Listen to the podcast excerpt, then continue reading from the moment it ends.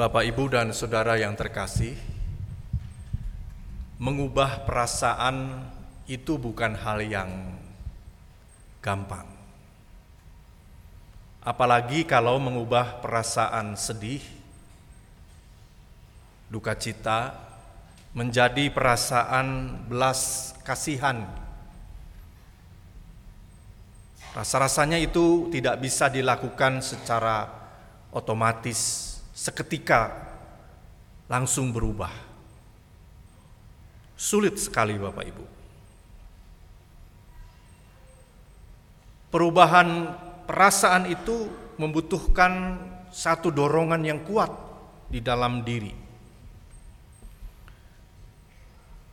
Karena perasaan sedih dan duka cita itu sifatnya merujuk ke dalam, ke batin ini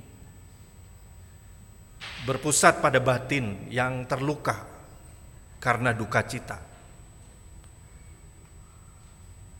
Sementara perasaan belas kasihan itu keluar dari batin ini menuju kepada orang lain.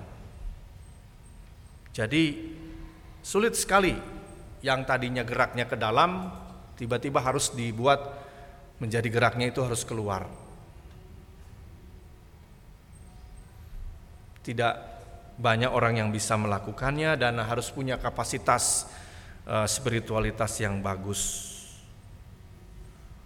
Di ayat 14 Bapak Ibu dan Saudara yang terkasih dinyatakan bahwa hati Yesus tergerak oleh belas kasihan. Kalau dalam bahasa Yunaninya maknanya bukan sekedar uh, merasakan tetapi juga betul-betul ikut mengalami apa yang dirasakan oleh orang lain. Padahal kita tahu bahwa di ayat sebelumnya Tuhan Yesus sedang berduka, sedang merasakan kehilangan yang begitu luar biasa karena saudaranya atau sahabatnya yaitu Yohanes Pembaptis dikabarkan mati di penggal kepalanya. Sungguh ini satu hal yang barangkali hanya bisa dilakukan oleh Tuhan Yesus.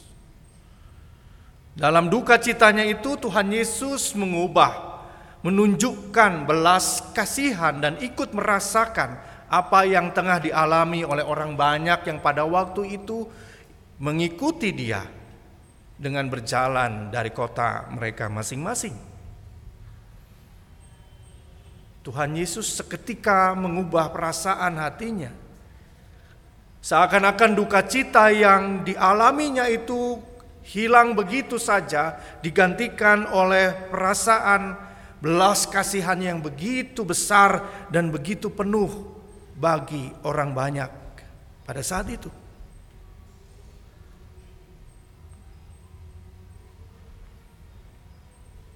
Orang banyak yang menantikan pertolongan Yesus sampai mendekati malam, mereka terus berharap Tuhan Yesus menolong mereka.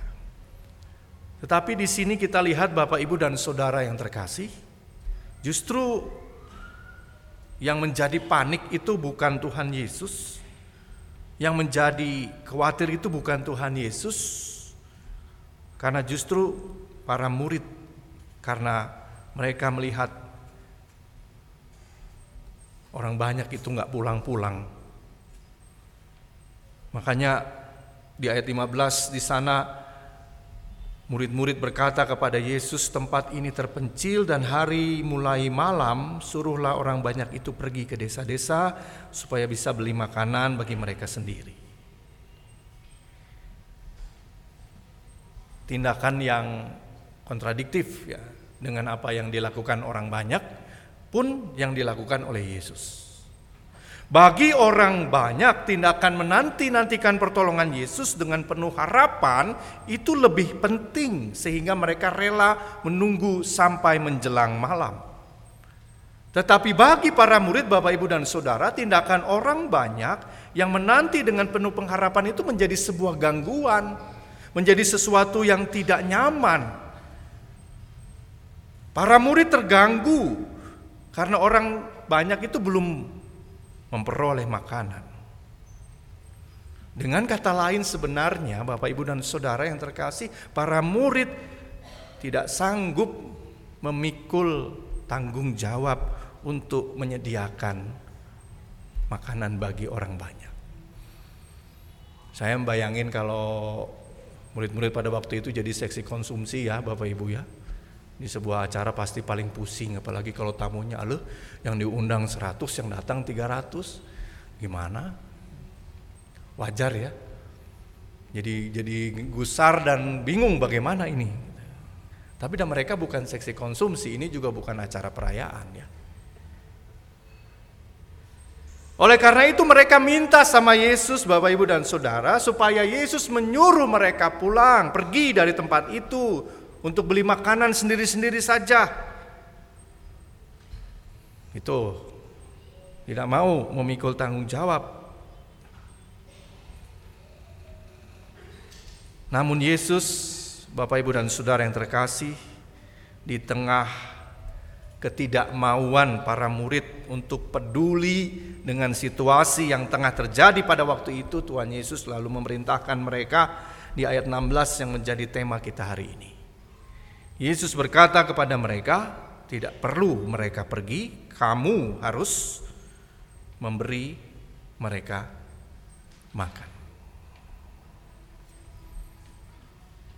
Jadi, belas kasihan Yesus bukanlah sekadar dorongan perasaan kasihan belaka, tapi merupakan wujud tanggung jawab moral yang menghadirkan tindakan nyata. Makanya saya secara pribadi suka bertanya-tanya dalam hati kalau kita berdoa, punten-punten Bapak Ibu, kalau kita berdoa makan misalnya.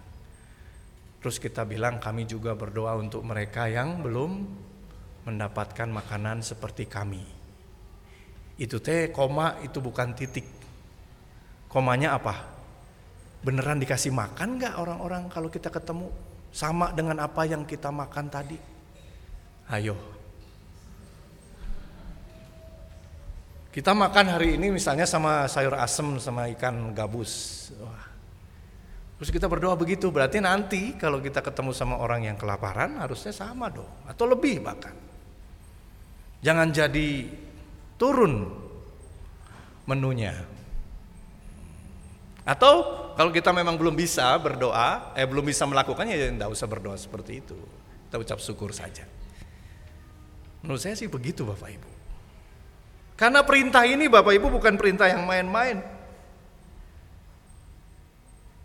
Tuhan mewujud nyatakan tanggung jawab moral dalam bentuk pertolongan yang konkret.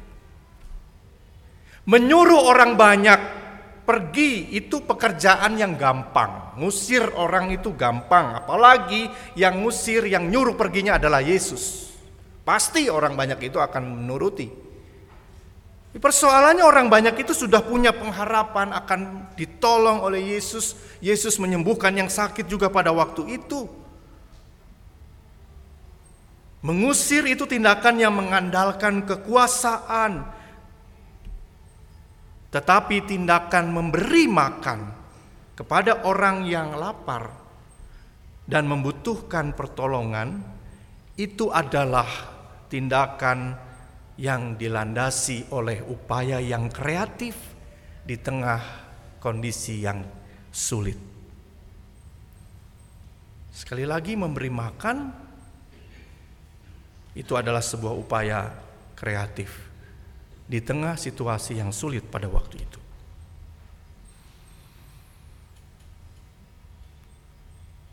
Upaya yang dilakukan oleh Tuhan Yesus itu Bapak Ibu dan Saudara berdasar juga pada kerelaan para murid untuk memberikan apa yang mereka punyai. Di sana dikatakan yang ada hanya lima roti dan dua ikan. Ini lagu yang dari sekolah minggu selalu dinyanyikan ya sampai sekarang lima roti dan dua ikan. dari apa yang ada. Perhatikan Bapak Ibu, segala sesuatu yang Tuhan lakukan itu berawal dari apa yang ada, bukan apa yang tidak ada. Dimulai dari kesediaan orang pada waktu itu untuk memberikan apa yang mereka miliki. Kalau mereka nggak kasih, kira-kira terjadi nggak mujizat kalau mereka tidak memberi, dapat makan tidak 5000 orang lebih itu? Tentu saja tidak. Tidak ada yang disebut dengan multiplikasinya. Jadi belas kasihan Allah Bapak Ibu dan Saudara dan empati kita, kerelaan kita, kepedulian kita harus menjadi satu paduan yang utuh yang terwujud dalam realitas kehidupan, barulah terjadi yang disebut dengan mujizat dalam hidup kita. Betapa sering kita memohon mujizat terjadi dalam hidup kita, tapi kitanya sendiri nggak mau ikut terlibat di dalamnya. Kita minta kesembuhan misalnya dari Tuhan, tapi kita makan minum masih sembarangan. Bagaimana? Kita ingin kehidupan kita lebih baik, tapi kita nggak mau mengubahnya. Sifat buruk kita misalnya. Kita lebih cenderung tadi lebih memilih untuk menggerakkan perhatian itu ke diri kita sendiri dan tidak mau berubah untuk menggerakkannya keluar, tidak mau peduli dan berempati. Dan hari ini kita melihat bahwa karya mujizat Allah diawali melalui kesediaan keikutsertaan umatnya. Dari persembahan yang berupa roti dan ikan itu, Tuhan Yesus menengadah ke langit dan mengucap syukur kemudian dia membagi-bagikannya, memecah-mecahkannya dan membagi-bagikannya. Belas kasihan Allah yang dilandasi dengan ucapan syukur.